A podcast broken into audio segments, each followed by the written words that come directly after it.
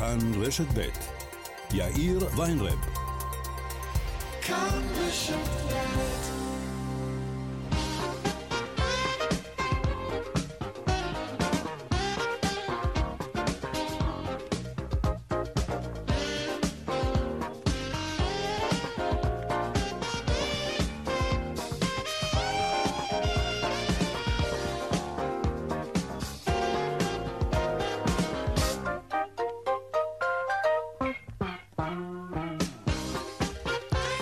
ארבע ועוד אה, חמש דקות בדיוק, כאן צבע הכסף ברשת ב', יום ראשון, שלום רב לכם, שבוע טוב, העורך רונן פולק, בהפקה רחלי לוי. טכנאי השידור שלנו היום הוא רוני נאור, הדועל של צבע הכסף הוא כסף, כרוכית, כאן.org.il. אני יאיר ויינרב, מעכשיו עד חמש, אנחנו מיד מתחילים.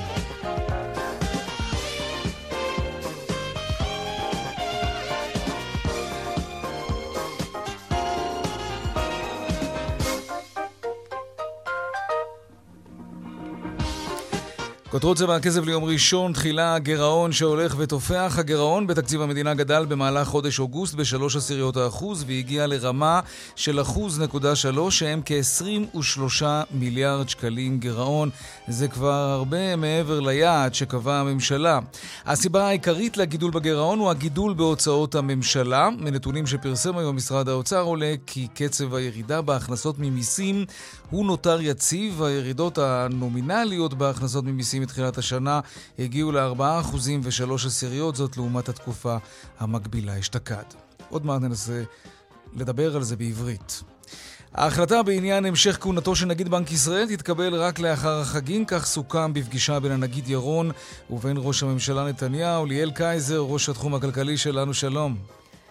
נכון יאיר, ראש הממשלה והנגיד מסכמים ביניהם בסיומה של הפגישה הבוקר שההחלטה האם נגיד בנק ישראל יוחלף או שמא כהונתו תוארך לקדנציה נוספת תתקבל רק לאחר החגים. הנגיד אה, מפציר בראש הממשלה להמתין עם קבלת ההחלטה הזאת לנוכח התקופה הרגישה במיוחד שישראל בכלל נמצאת בה וכפועל יוצא כלכלת ישראל. לדבריו לא מתאים לקבל את ההחלטה הזאת כעת, עוד לפני שבג"ץ אה, דן בעתירות החוקתיות, עוד לפני שאנחנו. חלילה עלולים אה, להגיע למשבר חוקתי, ולכן השניים מחליטים להמתין, וזה למרות שאנחנו יודעים שבתקופה האחרונה מגששים בסביבתו של נתניהו בחיפושים אחר נגיד אחר, בין היתר כנראה גם על רקע העובדה שפרופסור אמיר ירון היה אה, מאלה שהביאו לנתניהו את האזהרות החמורות שהוא שמע מגורמים כלכליים כן, אה, בכירים לא בעולם, על ההשלכות שעלולות להיות לחקיקה המשפטית, השלכות שאת חלקן אנחנו רואים כבר עכשיו מתממשות בכלכלת אה, ישראל.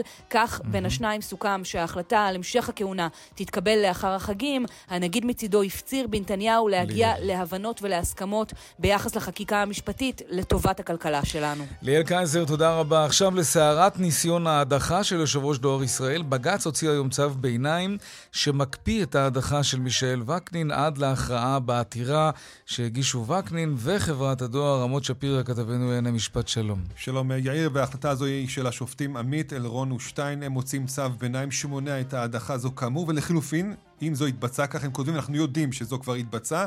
הצו מאפשר לווקנין לחזור לתפקידו עד להכרעה סופית בעתירה, וכך הוא נשמע בתגובה ראשונה לקרן נויבך. אני לא מופתע, אמרתי מההתחלה, גם לפני הדיון וגם אחריו, שאני מאמין במערכת המשפט ובבית המשפט העליון, בחשיבותו.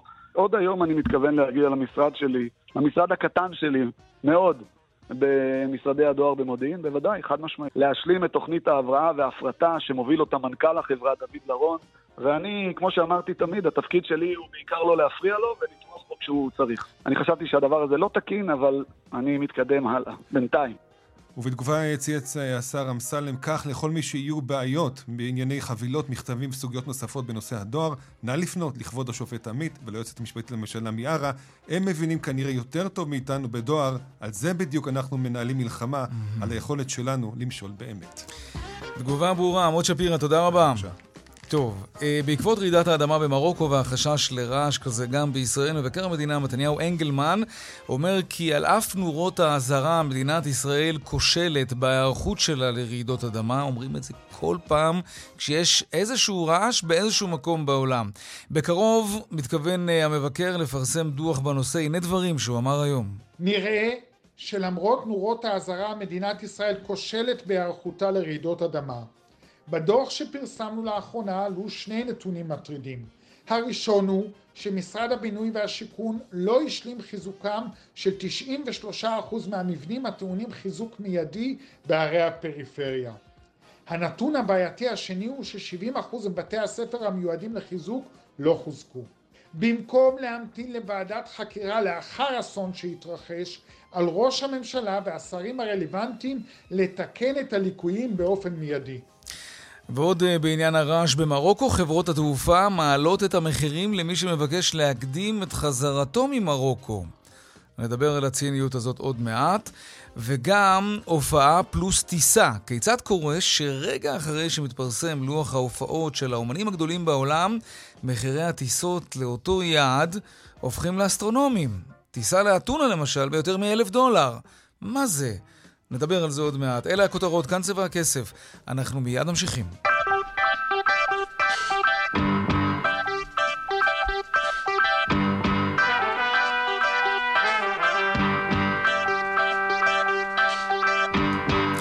אנחנו פותחים במצב המשק, הגירעון השנתי תופח, גם ההכנסות ממיסים לא משהו. איך זה ישפיע עלינו?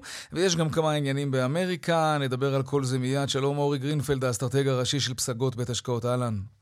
אהלן, שלום שלום. הגירעון השנתי כבר אה, אחוז נקודה שלוש מהתוצר, זה אומר שבשנה החולפת הגירעון כבר חצה את ה-23 מיליארד שקלים. אורי, תסביר לנו הכי פשוט שיש, מה, מה זה אומר? קודם כל זה אומר שהתוכניות אה, של האוצר אה, לא התגשמו. אה, צפי לגירעון, שבסופו של דבר זה פשוט ההכנסות, פחות ההוצאות. אז ההכנסות של המדינה ממיסים יותר נמוכות ממה שציפו, ההוצאות של המדינה יותר גבוהות ממה שציפו, ובסופו של דבר זה מביא אותנו לגירעון יותר גבוה. אגב, מה שאנחנו רואים עכשיו זה רק ההתחלה, וחשוב להגיד את זה, mm. כי אנחנו עוד לא רואים את ההשפעה של ההאטה במשק, האטה שתגיע. אה, הרי הריבית עלתה והמחירים עלו, ואנשים מתחילים לצרוך קצת פחות. Mm, ואז יש עוד יותר פחות מיסים למדינה.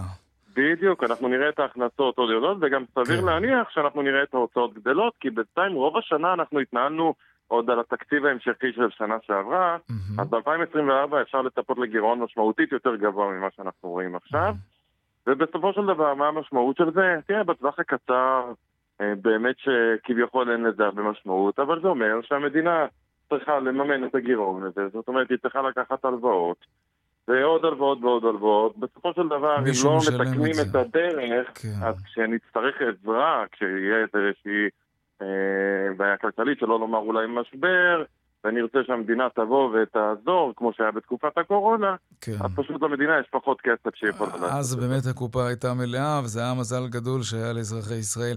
תגיד, אז למה אנחנו צריכים לצפות כאזרחים? להעלאת מיסים, לקיצוץ במשרדי הממשלה, שזה די דומה, כי זה בעצם קיצוץ בשירות לאזרח, אלא אם כן יוותרו על כמה משרדי ממשלה מיותרים.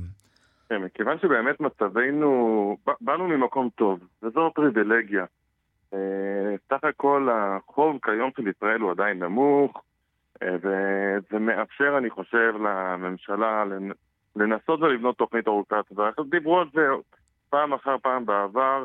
הרעיון הוא לא להעלות מיסים, והרעיון הוא לא סתם להגדיל, אה, להקטין הוצאות, הרעיון הוא לטייב את מבנה ההוצאות. ההוצאות האזרחיות בישראל נמוכות, נמוכות מאוד, מה לעשות, יש לנו הוצאות ביטחוניות גבוהות, אה, ולכן הרעיון הוא לנסות ולבנות את התקציב בצורה מיטבית יותר, שתעודד צמיחה. ברגע שאנחנו מעודדים צמיחה, זה אומר רפורמות להשכלה ורפורמות ל... מקצועיות, תשתיות, ורפורמות, תשתיות, וכן כן. הלאה וכן הלאה. הקיצור בין, המרק... בין מרכז הארץ לפריפריה, כדי שאנשים יוכלו למצוא עבודה, אנשים שגרים בפריפריה יוכלו למצוא עבודה בקלות במרכז, ולא להיות חמש שעות בדרכים. כל מיני נכון. דברים כאלה, החלטות כאלה. ברגע שהצמיחה תהיה חזקה יותר, אז גם ההכנסות ממיסים יהיו גבוהות כן. יותר, ולאט לאט מצבנו ישתפר. שר האוצר סמוטריץ', אגב, התחייב כאן בשידור, פתאום נזכרתי לפני כמה שבועות שהוא לא יעלה מיסים. יש לנו את זה כמובן מוקלט. אבל יכול מאוד להיות שיצטרכו לעשות התאמות תקציביות, כמו שאתה אומר, בין אם קיצוץ חד או בין אם ניתוב של כספים למקומות יותר פרודוקטיביים. אתה יודע מה, בוא נוסיף לכל המשוואה הזאת גם את הדולר שמתחזק, השלק, השקל שנחלש ועלול להביא לגל עליות מחירים נוסף. עד כמה זה מסבך את מה שבנק ישראל מנסה לעשות ומצליח כבר חודשיים רצופים, לא להעלות את הריבית.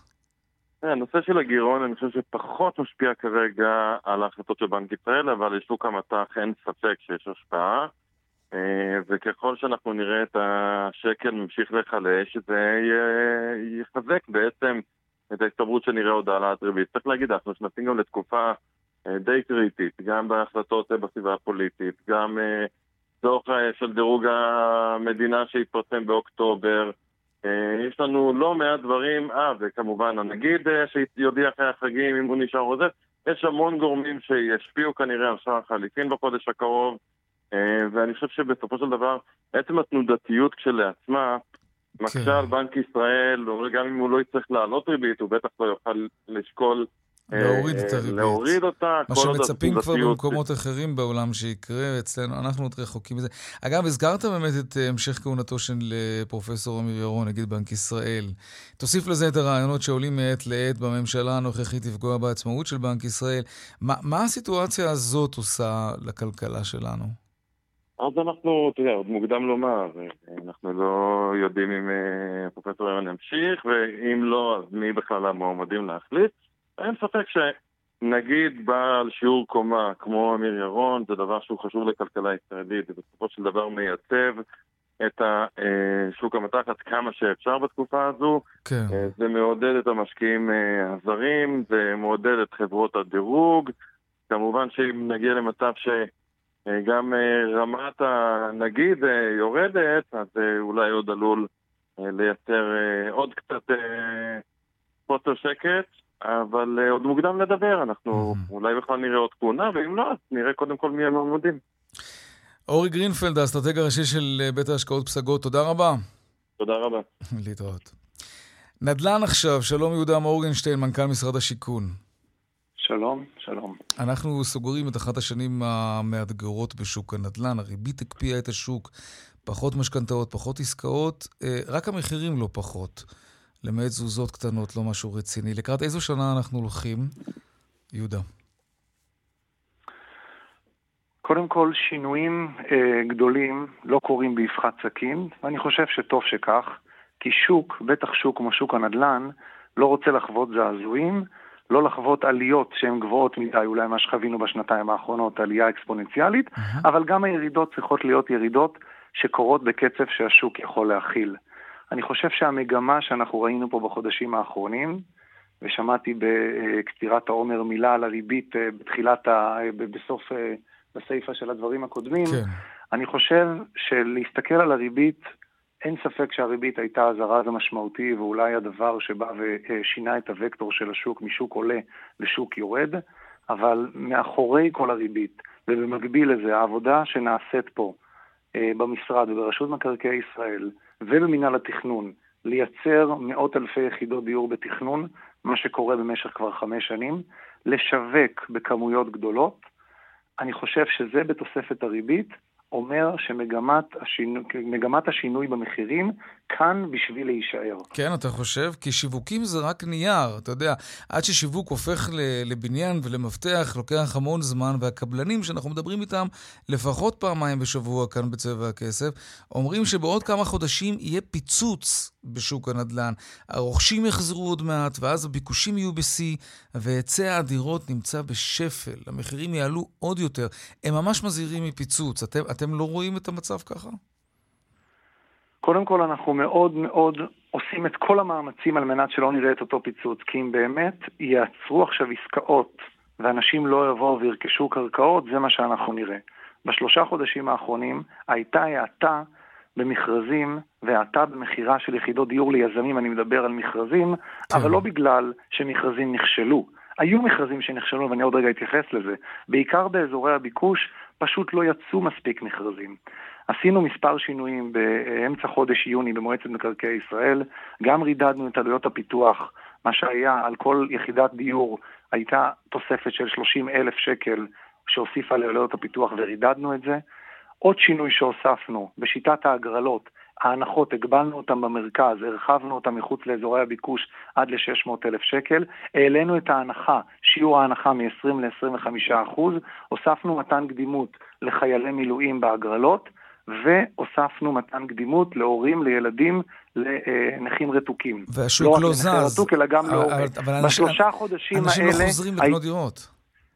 זה לא אחד. בשיווקים, אנחנו רואים היום את היזמים מגיעים למכרזים, כן. ויזמים ניגשים למכרזים. מה שקורה היום במחירי הדיור, ואולי זה לא תמיד פופולרי לבוא ולומר, כשיש למעלה מ-50 אלף יחידות דיור על המדף, ויש את הדיור האלה, מצפים לבוא ולראות ירידות מחירים אולי גבוהות יותר ממה שאנחנו רואים. כשאנחנו מדברים על משבר דיור, והזכרת קודם את שאתם מדברים איתם, מסתכל על היזמים ורואה את משבר הדיור, אני רגע, יהודה, אנחנו מתקשים קצת לשמוע אותך, משהו בקליטה כנראה לא טוב. אם, תוכל להישאר במקום אחד, עם קליטה טובה, נוכל לשמוע את הדברים. יהודה... אני אחזור בשנית, כן, תגיד אם עכשיו זה בסדר. כן, מנכ"ל משרד השיכון, כן. אתה איתנו, כן, אוקיי, מצוין. כן. אני אומר שכשאנחנו מסתכלים על משבר הדיור, מה שעומד לנגד עינינו זה אזרחי מדינת ישראל, שמחירי הדיור עולים. כשאנחנו, הזכרת קודם את הקבלנים, כשאנחנו מסתכלים בפריזמה של הקבלנים, לא בטוח שאותה עליית מחירים או ירידת מחירים שמבשרת זה משהו שהיזמים באים ורוצים לראות. התפקיד שלנו כמדינה זה לראות איך אנחנו ממשיכים לשווק, ואנחנו רואים שכשאנחנו משווקים וקבלנים זוכרים במגרשים עד 50% פחות ממה שזכו קודם לכן, המחירים האלה בסופו של דבר משתרשרים בחזרה ללקוח. איך אנחנו יודעים את לא... זה? אה, אה, הרי ת, תראה לי, תראה לי מקום אחד בארץ ששיווקתם, ואתם כבר יודעים, במחירים האלה הנמוכים שאתה מדבר עליהם, 50% הנחה, ושמחיר הקצה הוא, הוא בכמה אחוזים ניכרים פחות ממה ששיווקו באותו אזור. אתה יכול להצביע על מקום כל, כזה? קודם כל, כן. קודם כל, במכרזים שאנחנו מוציאים, כן. ויש בהם אחוז של דירות בהנחה, ולא משנה אם בתמהיל הדירות זה 80 אחוז או 50 אחוז, עדיין אנחנו, ברוב המכרזים שאנחנו מוציאים, בין 50 ל-80 אחוז מהדירות הן דירות שמוגרלות אחר כך לזכאים ומונגשות לאנשים בהנחה של מאות אלפי שקלים. עם מחיר מטרה שהוא מוגדר וידוע מראש. אבל ו... אלה פלסטרים, זה קצת, אתה יודע, הציבור אולי קצת נמאס לו מהפלסטרים האלה. דירה בהנחה, מחיר למשתכן, 50 אלף שקל הנחה או מענק על מי שקונה דירה עד 600 אלף שקלים. זה, זה, לא, זה לא, אתה יודע, אין פה איזה מסה קריטית שאתה יכול לבוא לציבור ולהגיד, חבר'ה, הנה תראו, אנחנו עושים משהו כדי שתוכלו לרכוש קורת גג. למה אין השקעה למשל בענייני שכירות לטווח ארוך? מה שמצליח מאוד בהרבה מאוד, בעולם, בהרבה מאוד מקומות בעולם המערבי, אצלנו אף אחד לא לקח את הפרויקט הזה עד הסוף. למה זה למשל לא מתפתח לשום מקום? אני אשמח ברשותך להתייחס לשכירות, אבל רק להגיד עוד משפט אחד כן. על אה, שיווקים ובנייה חדשה. במשך השנים 2010 עד 2015 שווקו כ-30 אלף יחידות דיור, 2015 עד 2020 כ-50 אלף יחידות דיור, 2020 עד 2025 כ-100 אלף יחידות דיור. התוצר של זה, אנחנו רואים אותו בימים אלו ואנחנו נמשיך לראות אותו. אותה מסה קריטית, אם אנחנו יודעים על פי המועצה הלאומית לכלכלה שיש גידול למשקי הבית של כ-60 אלף משקי בית ואנחנו משווקים כ-100 אלף, זה אומר שאנחנו גם כן מחפים על חוסר עבר שיש למדינה. נכון, אנחנו צריכים לבוא ולגרום לדירה שתיבנה מהר יותר, אבל בסוף אנחנו מייצרים לה מלאי. אז הדירות שאנחנו רואים שיתחילו להיבנות עכשיו, זה הדירות ששיווקנו לפני שנה ושנתיים. כשאנחנו נמשיך לשמר את קצב הייצור ולהגביר אותו, אנחנו נתחיל לראות את מה שאנחנו רואים עכשיו. תגיד, הקבלנים שבאים עכשיו... בריבית, אנחנו נראה את זה כאן בשביל להישאר. כשאתה אומר שהיזמים מתעניינים והם באים, ואולי אפילו היו כמה מכרזים מוצלחים בעת האחרונה, עדיין הם יצטרכו למכור את יחידות הדיור האלה. ואתה מסתכל על נתוני המשכנתאות, אתה רואה, אנחנו עדיין לוקחים דרמטית פחות משכנתאות. כוח הקנייה של הציבור לרכוש דירה הוא עדיין נמוך מאוד. אז זה נחמד שיזם ישים את היד שלו על איזה קרקע. מי ערב לזה שהוא לא יחכה עכשיו עם הקרקע הזאת חמש שנים? עד, ש... עד שיבשילו התנאים לבנות שם ולמכור אחר כך את יחידות הדיור האלה. קודם כל, כבר בחוק ההסדרים וגם במועצת רמ"י יש אה, הגדרה שאדם לא יכול לבוא ולשבת ולספסר בקרקע ולשבת עליה, כי יש טיפול באורכות בחוק ההסדרים. Okay. אוקיי. ואם הקרקע יש בה, ולא משנה מה האחוז של דירות דירה בהנחה, הוא מחויב ללוחות הזמנים להתחיל בנייה ולמסירה של הדירות על פי לוחות הזמנים שמוגדרים לו במכרז, ככה שהוא לא יכול לקנות היום בזול ולמכור למחרת ביוקר. אוקיי. הבטחתי לך להתייחס לשכירות. כן, ברשותך. אה, קודם כל למועצת רמ"י הקרובה אה, שתהיה בעוד השבוע, אנחנו ביום רביעי, אנחנו מביאים מספר החלטות, קודם כל מה שנקרא מענה מיידי בשוק השכירות, בשוק השכירות המוסדית. אחד, אנחנו מביאים את דחיית תשלומים גם במכרזים בפריפריה וגם במכרזים במרכז במכרזי דירה להשכיר. בנוסף, אנחנו מורידים את מחיר המינימום במכרזי דירה להשכיר. הגענו פה בשנתיים האחרונות למצב אבסורדי, שמחיר דירה שזוכים בה בקרקע ליחידת דיור במכרזי דירה להשכיר, הם זהים לחלוטין או עד כדי קבוע למכרזי שוק חופשי, זה משהו שאנחנו לא רוצים לבוא ולראות אותו, אנחנו חושבים שצריך להיות פער בשביל לאפשר למכרזים האלה לקרות, אנחנו מורידים את מחיר המינימום. בנוסף, עד היום, גם במכרזים רטרואקטיבית אנחנו נאפשר ליזמים להכניס, כאשר בעל השליטה נשאר ב-60%, הוא יוכל להכניס עוד מוסדיים נוספים, נוספים איתו, או למכור את הזכויות שלו ולאפשר למי שמתמחה בשוק השכירות. ואני חייב להגיד, ואמרת את זה פה במילה, וזה משהו שהוא יותר לטווח בינוני וארוך. תפיסת השכירות בישראל, המדינה השקיעה לא מעט בלקדם את השכירות, ועדיין אנחנו, אין לנו פה תב"ע שמדברת על שכירות. עדיין כשמדברים פה על שכירות, זה שכירות או בחוק אה, השקעות הון, חוק עידוד השקעות הון שהתחיל בחמש שנים ועלה לעשר או לחמש עשרה שנה, בדירה להשכיר שמדברים על עשרים שנה, אנחנו עדיין לא מדברים פה על שכירות וקרקע שפרמננטית תישאר לשכירות, הזכרת מודלים mm-hmm. שיש בעולם, כן. זה משהו שאנחנו מקדמים ביחד עם מינהל התכנון, הוא אירוע גדול יותר. כן. הוא אירוע גדול יותר בטווח הבינוני והארוך, אבל גם לשם אנחנו נגיע. כן, יהודה מורגנשטיין. אני חושב שלשם אנחנו צריכים ללכת, כן. מנכ"ל משרד השיכון יהודה מורגנשטיין, תודה רבה לך על השיחה הזאת. תודה לך. להתראות. דיווחי תנועה עכשיו. טוב, אז ככה, דרך 57 מזרחה יש עומס תנועה מכפר יונה לכיוון מחלף ניצני עוז, בדרך 6 צפונה עמוס מנשרים עד בן שמן ומקסם עד ניצני עוז, איילון צפונה עמוס מחולון עד קק"ל ודרומה מרוקח עד קיבוץ גלויות. עדכוני תנועה נוספים בכאן מוקד התנועה כוכבי 9550 וגם באתר של כאן וביישומון של כאן פרסומות ומיד אנחנו חוזרים עם עוד צבע הכסף. כאן צבע הכסף, ארבע וחצי. רעש האדמה הקטלני במרוקו. עכשיו, מי שנמצא שם ומבקש להקדים את החזרה שלו לארץ, מגלה שמחירי הטיסות פשוט זינקו. האם זו ציניות של חברות התעופה או פשוט ככה הכלכלה עובדת ואין מה לעשות. שרון עידן כתבנו, שלום. שלום, יאיר. ספר לנו מה קורה. אני מסתכל ממש עכשיו כשאני מדבר איתך על כן. הטיסות אה, מחר למשל, מקזבלנקה, ממרוקו בכל מקרה לישראל. אה, אם תרצה לטוס מחר בכיוון אחד, ממרוקו לישראל באל על יעלה לך 780 דולר. אבל זה עוד מחיר טוב, כי אם תרצה ברויאל אר מרוק, כן, זה לא רק החברות הישראליות, כן. לפי סקאי סקאנר תשלם 1,012 דולרים, כן, לכיוון אחד. אז תשמע, יש פה כמובן את העניין של רעידת האדמה, ואם תרצה את הציניות, אה, גם של חברות התעופה, שמעלות מחירים, כי הן מבינות שכל אה, מושב כרגע הוא מאוד מאוד יקר. אה, אם נסתכל למשל על המשך השבוע, כלומר אם תסתכל על הימים רביעי-חמישי, תגלה שאותה טיסה עולה 200 דולר, כי כבר מעריכים בחברות התעופה שרוב האנשים יצליחו לצאת, בין אם בטיסות connection ובטיסות אחרות, ובעצם לא להישאר שם. תשמע, מצד אחד ככה הכלכלה עובדת, מצד שני יש עדיין משהו שצובט כשרואים את הדברים האלה, אגב אנחנו נכון. רואים אותם, יאיר, אה, גם, אני מזכיר לך, כשהתחילה המלחמה בין אה, רוסיה לאוקראינה, אנשים שרצו לצאת ממוסקבה פתאום עלה אלף דולר לכיוון, גם ברעידת האדמה כן. המפורסמת בטורקיה, אם אתה זוכר, כן, לפני כמה חודשים, גם אנשים רצו לצאת מטורקיה, פתאום ראינו... אנשים ישלמו כל מחיר, כן, כי הם רוצים לברוח נכון. ממקום שלא טוב להם להיות בו.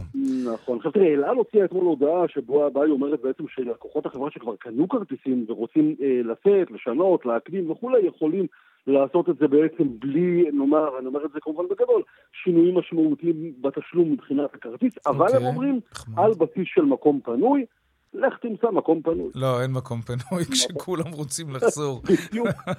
לכן צריך מאוד... נחמד מצידם, אבל לא עד הסוף.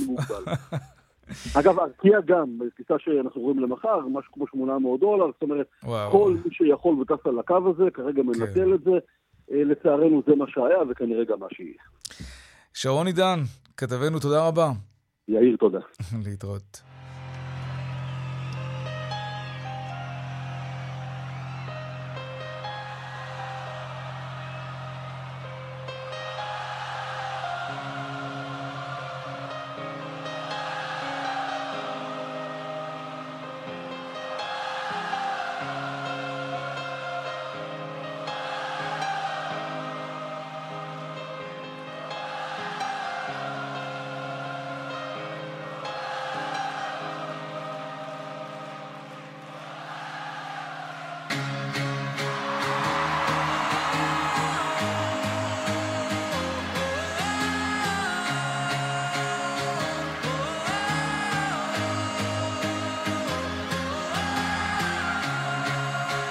כן. אולי לקח קצת זמן לזהות. Viva la Vida, Coldplay. שלום רונן פולק, מה העניינים? אהלן, יאיר, הופעה בחו"ל, אה? אתה בא? יאללה, איזה יאללה. כיף. קח את זה, בדרך הבית, נתב"ג. כן. נעלה על מטוס. מה, זה זה מאוד אה, פופולרי לאן, אתה יודע. לאיזה הופעה זה נלך? טרנד מאוד פופולרי, ככה קוויקי של הופעה בחו"ל. כן. אפילו סופש קצר כזה, ופה ושם נוסעים, רואים הופעה, לפעמים. יש דילים לא רעים. כן, כן. אבל לפעמים גם לא. רוב הפעמים. רוב הפעמים לא, כן. תשמע, הערכות מדברות על כ-70 אלף ישראלים שיצאו הקיץ הזה מישראל להופעות אה, של האומנים הגדולים באירופה. אתה זוכר את אלטון ג'ון למשל עם סדר הפרידה שלו? כן. אה, הופעות של ביונסה, ואנחנו שומעים עכשיו את קולדפליי, כמובן. כן. זה, היא, היא, היא, היא, נחשבת לאחת הלהקות האהובות על הקהל כן, כן. הישראלי. זה מטורף. והיא תופיע ברומא, בווינה, בבודפשט, באתונה, ו... תשמע, אנשים מסתערים על הכרטיסים, ובצדק כן. רוצים לראות קולדפליי. אה, אבל בימים האחרונים אנחנו שומעים על יותר ויותר טענות של רוכשי כרטיסים שמספרים שהבעיה העיקרית שלהם, אחרי רכישת הכרטיסים, היא הטיסה. כלומר, בעיקר מחירי הטיסות. למשל, טיסה לאתונה, כמה זמן זה מפה? זה טיסה... שעה? ממש, יריקה, אתה יודע. כן. טס, בום, בום, בום, חוזר, זהו. אלף דולר. על האדים של הדלק בכלל, זה לא, אתה אפילו לא מתדלק, את המטוס. ממש, כן. כלום. תשמע, זה, זה מחירים מטורפים, זה מחירים של ניו יורק. זה מחיר... אלף דולר ממש, לאתונה. אלף דולר. רגע, אבל מה זה קשור להופעה? לא כל כך הצלחתי להבין. כי בן אדם קונה כרטיס אה, אה, להופעה, ואחר כך הוא מחפש טיסה. עכשיו, מה שטוענים האנשים שחברות התעופה, הן גם כן רואות את זה, הבנתי. רואות את, לוחו, את, את לוח ה... את אה, לוח ההופעות. לוח ההופעות. בתאריכים האלה והאלה. קולדפליי תופיע בברצלונה, יאללה, נתקע את כל מי שרוצה לטוס עכשיו לברצלונה, גם אם הם לא מתכוונים בכלל להגיע ל- לגמרי, להופעה. לגמרי, בדיוק ככה, תבדוק שבוע לפני, המחירים הרבה יותר נמוכים, תבדוק שבוע אחרי גם כן, מחירים נמוכים. יש משהו בפריז? אם יש משהו בפריז, כן, זו הופעה טובה בפריז. אתה... מה, מה, אתה רוצה עכשיו לשחק עם המחירים? כן, סתם, בוא נראה. בוא נבדוק. תבדוק. טוב. אמ, תראה, זה, הנה, זה, זה, זה. נושא שהוא כמובן, זה כשר וזה גם לא, מובן. זה עיר שבדרך כלל די יקר לטוס אליה. יש היצע, ביקוש, דיברתם קודם לכן גם כן על, אתה יודע, מציאות כל... ש- ש- של כלכלה, ככה, ככה כן. הכלכלה בנויה. מצד שני זה גם כל כך מתסכל, ו- וגם חשוב שהנוסעים, שהרוכשים, סליחה, ידעו אה, שגם אם מצאתם כרטיס להופעה במחיר סביר, את האלמנט כנראה אה, ידחפו לכם במחיר הטיסה, קחו לתשומת לבכם כשאתם מתכננים את ההוצאה. אוקיי, טוב.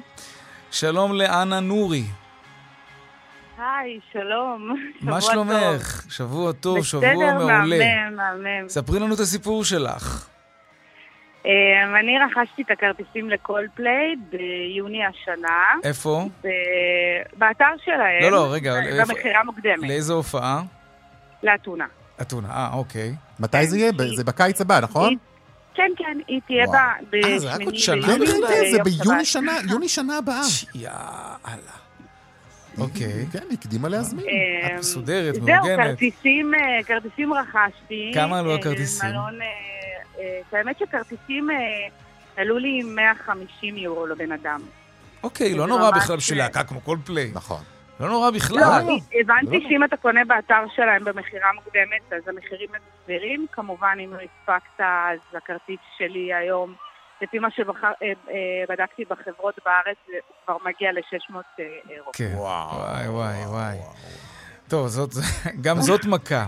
טוב, אבל, אבל אה, למזלך הזמנת מוקדם, שילמת 150 כן. דולר, ועכשיו את רוצה לשריין לעצמך כבר טיסה שנה מראש? אפשר בכלל להזמין כרטיס טיסה שנה מראש? אה, בדקתי באלעל, אה, ברגע ש... ביולי בדקתי איך שסגרתי את הכרטיס, וכבר אה, הטיסה לאתונה הייתה 500, בסביבות 500 דולר לבן אדם. כמובן שחשבתי לחכות, ואמרתי שיפתחו את הלואו-קוסט, חברות וויז צ'ארטר, ויהיה מחירים יותר אטרקטיביים. כן. כמובן שעכשיו פתחו את הוויז, המחיר היה 6.5. אה, ישר רצתי... מה שש וחצי? שש וחצי. שש וחצי לשתי כרטיסים, כן? שש אלף, שש וחצי אלף שקל. ששת אלפים וחמש מאות שקל לשני כרטיסים. וואו, וואו, וואו. כן. כן. לא לי ולבעלי, לא. כמובן כן. שהרקתי לאלעל. אה, לשני כרטיסים לא, עדיין. מה? נו. זה 3,200 שקל, זה די קרוב ל... כן, כן די קרוב ל-1,000 דולר. אה, אוקיי, ומה באלעל? על? ובאל-על היום הכרטיס עומד אה, על אה, אלף דולר לבן אדם. די. וואי. רגע, כן. אז אתונה, מה, ראיתי- את- תשלמי את המחיר הזה, תגידי? מה? סליחה? את תשלמי את המחיר הזה? אמ, או שתוותרי על הכרטיסים? או שתסחי לשם, בדיוק, זה מה שאני כושר. מטורף. שחייה. וגם תגיעי בול עוד שנה. אני ככל הנראה אשלם. וואי, אה, אלף דולר אתה טס לניו יורק. אתה מבין מה כי- זה? כי הבנתי שהופעה של קולפליי ממש שווה, זה נכון. אבל העושק שעושים את זה זה ממש אה, כואב. כי טיסה לאתונה במועד אחר שאין קולפליי, הבנתי שהכרטיסים הם סביבות אה, 300 דולר. שזה גם יקר, אם. אתה שואל אותי. אבל זה אני. תשמע, יש ב-15 לספטמבר, שזה אוטוטו, משחק אה, של אה, פריס סן ג'רמן. אה, 600-700 שח, טיסה. לא נורא. אה, כרטיס. מה? רחלי מתדרכת אותנו, באוזנייה עכשיו. ספטמבר זה כפול מחיר לעומת אוגוסט, שזה שיא העונה, שזה 600. טוב, תשמע, כולם יודעים לשחק על הדבר הזה. ברור, ברור, כן. מה זה, זה... אה, תראי, לרונן. ולי יש ויכוח, רק שתדעי, אנה, אני תמיד אומר לחכות לרגע האחרון, תמיד מוצאים איזושהי מציאה, אבל הפעם נראה לי שלא. זה גם קיץ, לא, אבל כי זה... תפוסה מלאה במטוסים ובמלונות וזה. גם המלונות אגב מעלים, נכון? גם המלונות מעלים מחירים? אנא. אה, את האמת שמלונות סגרתי, לא, אתה... אה? אני לא יודעת, אין מלונות, הבנתי שאין מלונות כבר. מלון, מלון... אה, טוב, תקני אה, יאכטה, יש מצב שיצא יותר אה, זול, תעגני שם. טוב, אה, אה, כן. אנה, בואי תחכי איתנו רגע, אני רוצה שנצרף לשיחה גם את יוסי אלפסי, מנכ"ל Live Tickets. שלום יוסי. היי, היי יאיר, מה שלומך? אהלן, אה, ורונן פה. גם. מה קורה? מכיר את התופעה הזאת? בטח מכיר, מה זה מכיר? המשרד מה זה מכיר? שלנו המצאנו את מקבל זה. שיחות- אנחנו מקבלים שיחות מכאלה שקנו לאתונה כרטיסים ורוצים למכור אותם ולקנות כרטיסים במקומות אחרים, כי הטיסה מאוד יקרה, בצדק. אה, בדרך כלל מה שקורה עם חברות התעופה, הם למדו את הפטנט, שיש הכרזה על סיור הופעות, לוקח להם אה, דקות להעלות את המחיר. אה, אם יש הגרלה של אה, ליגת אלופות, אז ממש תוך כמה דקות הם מעלים את המחיר המחירים של עולים. הטיסות. אבל יוסי, בוא נגיד את זה- האמת, אי אפשר לשנות את זה, נכון? כלומר, אה, מדובר בחברות תעופה, זה ביזנס. הם מרגישים ומריחים את הכסף, הם רואים שהולך להיות פה ביקוש רציני, אז הם מעלים את המחיר ואנשים ישלמו את זה. קולפליי קודם לא תופיע לפני אצטדיון ריק, זה בטוח. קודם כל זה נכון, אבל אפשר, אה, אם, הקהל הוא אה, כן מוכן אה, לטוס ב connection, נגיד אה, טיסה או, לאתונה, עוד פעם, טיסה נכון. לאתונה- טיסה לאתונה זה שעה, אבל אם טסים דרך דובאי חמש שעות, אז. זה עולה אלף שקל. זאת אומרת, אתה מאריך לעצמך את הטיסה באיזה עוד ארבע שעות, ואתה משלם פחות. אני מסכים, אבל אתה משלם. אלף שקל במקום אה, ארבעת אלפים. מה, דרך איפה עוד אפשר לעשות connection? אני יודעת שדרך כן, ירדן אפשר. לעשות אה. דרך ירדן, נכון, אוקיי. כן, בתאריכים שאני... בכמה זה מוזיל, אבל? מש, משמעותית. וואו, משמעותית מאוד. כן? כן. 60-70 אחוז פחות. אפשר גם לעשות את הטריק הזה של חניית ביניים כן, בזה, נכון, נכון. ואז לברוח מהמטוס. אז מחפשים אותך, mister ויינרב. ואתה כבר בהופעה. כן, זה שיטה נהדרת. פעם עשינו על זה אתונה אייטם, זה פשוט. נהדר. לראות את עצמך. צוחק שם כן. ביציאה, ואתה אומר... אני "שיחפשו שנייה אותי". אחת קופץ פה לשירותים. כן, עם הטרולי שלך, אתה אפילו לא שמת את המזוודה בבטן. כן. אוקיי. אה, אבל תשמע, לא, באמת, יוסי, זה מה שאפשר. אז connection זה- זה זה רעיון לא רע. אה, מה עוד אפשר? יש, בדרך כלל צריכים להתכונן מראש. מי, ש, מי, ש, מי שמזמין באמצע, זאת אומרת, אחרי שעברה נגמרה המכירה המוקדמת, ושכבר נח- נחטפו רוב הכרטיסים, הוא משלם יקר על הכל, גם על הכרטיס, גם על הטיסה וגם על הבתי מלון. בדרך כלל מי שיודע לתכנן מראש, ויודע שהוא רוצה לעשות איזושהי הופעה, גם אם הוא יקנה את הכרטיסים, לא יקרה כלום. כרטיסים נמכרים שנה קדימה. רגע, אז למה לא לקנות חבילה? חבילה שלמה. אולי מציעים כאלה דברים גם. מה זאת אומרת, כולל טיסה? לא יודע, אין דבר כזה? למה אתה למשל לא, לא לא, מוכר לא, את זה כחבילה? דיברנו איתו על זה מאה אנחנו- פעם. אתה לא אנחנו מוכר מוכרים טיסות. רק, רק את הכרטיסים, אנחנו שאתם ספקים מוכרים. של מרבית סוכני הנסיעות. תבוא פולק פעולה. מציע לכם פה לא, עכשיו תעבוד לצ- שיתוף להרחיב את פעולה, העסק. בדיוק. תבוא, תיקח, תעשה שת"פ עם איזושהי חברת תעופה. Live ת- tickets, תמכור flying את and זה staying. עם עוד איזושהי חברה. אתה מייצר פה חבילה שלמה. לאתונה יש מה לנו אתה צריך מטוס. להתעסק רק עם לא, לאתונה- ההופעות? לאתונה יש לנו עם אחת החברות אה, באמת מטוס שלם. וכשהם רצו לקחת מטוס שני, המחיר של המטוס עלה להם 30% יותר, אז זה כבר לא היה שווה את כל. הפרויקט הזה. ומטוס ראשון הם הצליחו כן לארגן, אה, במחיר אטרקטיבי. עדיין חבילה מלאה הם שעלה באזור בין 900 ל-1050 דולר. לא נורא. כולל טיסה ומלון, כן? וכרטיסים. כן. טוב, נכון זה חזירות בינינו ככה, יוסי. זה, זה, זה, אה, אתה יודע, זה, זה הדברים... זה הצד המכוער של הכלכלה. ממש, הצד אבל המכוער שלו. לעשות. תראו, זה עניין של היצע וביקוש. ברור. אתה, בישראלים לא, לא, רונן, אתה יודע מה הכי מצחיק. אותי אצלך? שאם אתה לך הייתה חברת תעופה, אתה הראשון שהיית מעלה את המחיר. איפה אתה הבאת לי את זה? אתה יודע שזה נכון. אתה. תמיד כואב לך כשעסקים אחרים מעלים מחירים. אם אתה היית בעל עסק, זה היה נורא. אני אומר לך, נורא. וואו, בוא'נה, זה חתיכת השמצה מה איפה שאתה שקורה היית פה. מריח כסף, אתה היית מעלה.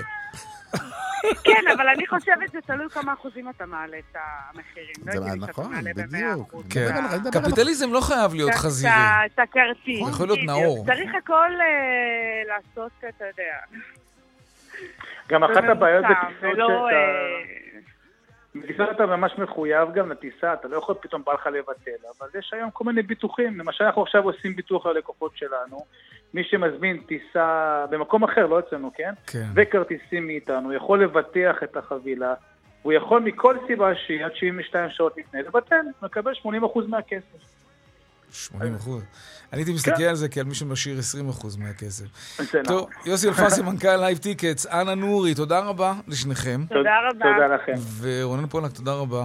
תודה לא רבה. התכוונתי להעליב לא, לא, אותך. אתה העלבת. לא, אבל אתה businessman כן העלבת. טוב, בסדר, business לא ביזנס. אם היה לך? עסק, אתה היית מאוד מצליח, כי אתה היית יודע להרגיש את השוק. איפה שהאיש אתה מרגיש שאתה צריך להעלות מחיר, אתה היית הראשון לא, זה לעשות את זה. אני. עומד מאחורי המילים האלה. אוקיי, כי אתה. חכם. טוב. אתה אתה יודע. כן. לא- אומר- יש- אומר- מי ש... אין לו ערך לכסף. מי שקנה, מי שלקח מכונת קרח. היא נהדר- כ- עובדת כשי מדהים. לחג. לא, באמת, עד עכשיו המכונת קרח שלה הזאת, זה הבדיחה הכי גדולה פה. מדהים. היא במרפסת. הילדים שלי צחקו עליי בדיוק כמוך. והם כל היום לוקחים קרח ושמים בכוס. שמונה דקות. והמכונה מתמלאת בקרח גם כן. מים עם קפואים. כל הגלי חומר, זה מדהים. כן, אתה לא מבין, זה פשוט מדהים. טוב, רונן פולק, תודה רבה. תודה. פרסומות.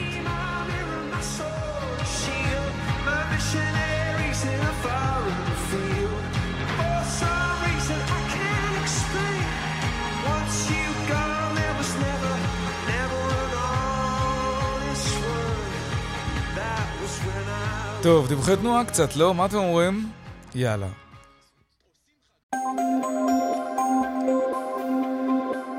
טוב, איילון צפונה, אה, יש עומס ממחלף חולון עד קק"ל ודרומה מרוקח עד קיבוץ גלויות.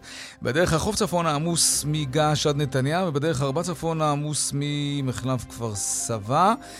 אה, מחלף כפר סבא רעננה, זה השם של הצומת, עד מחלף דרור. עדכוני תנועה נוספים בכאן מוקד התנועה, כוכבי 9550, זה הטלמסר שלנו, אבל לא רק שם, גם באתר של כאן וביישומות של כאן, פרסומות, ומיד אנחנו חוזרים עם עוד צבע הכסף. כאן צבע הכסף, 4 ועוד 52 דקות. עכשיו לנושא שאנחנו עוסקים בו די הרבה בצבע הכסף, תעסוקת חרדים. יאיר רטינגר, פרשננו לענייני דת ומדינה, שלום. שלום לך יאיר. מחקר חדש של משרד האוצר מגלה שמחקר קודם של משרד האוצר לא היה כל כך מדויק. שורה תחתונה, מה? שורה תחתונה, הלמ"ס מפרסם לפני כמה שבועות סקר כוח אדם.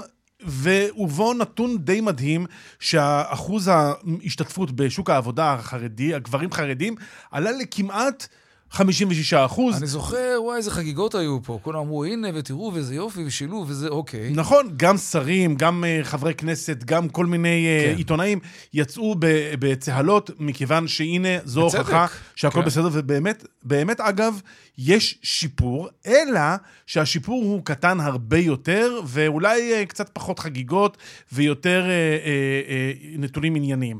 מה המקור לפער? בא משרד, היום האגף, ה- הכלכלן הראשי במשרד האוצר, ואומר, הפער הוא לא גדול כל כך. לא מדובר על 56, כמעט 56 אחוזים השתתפות בשוק העבודה, אלא קצת פחות מ-53 אחוזים. ומה אה, מקור הפער? הפער הוא איך מגדירים חרדי. מכיוון שהלמ"ס הולך על שיטה של הגדרה עצמית.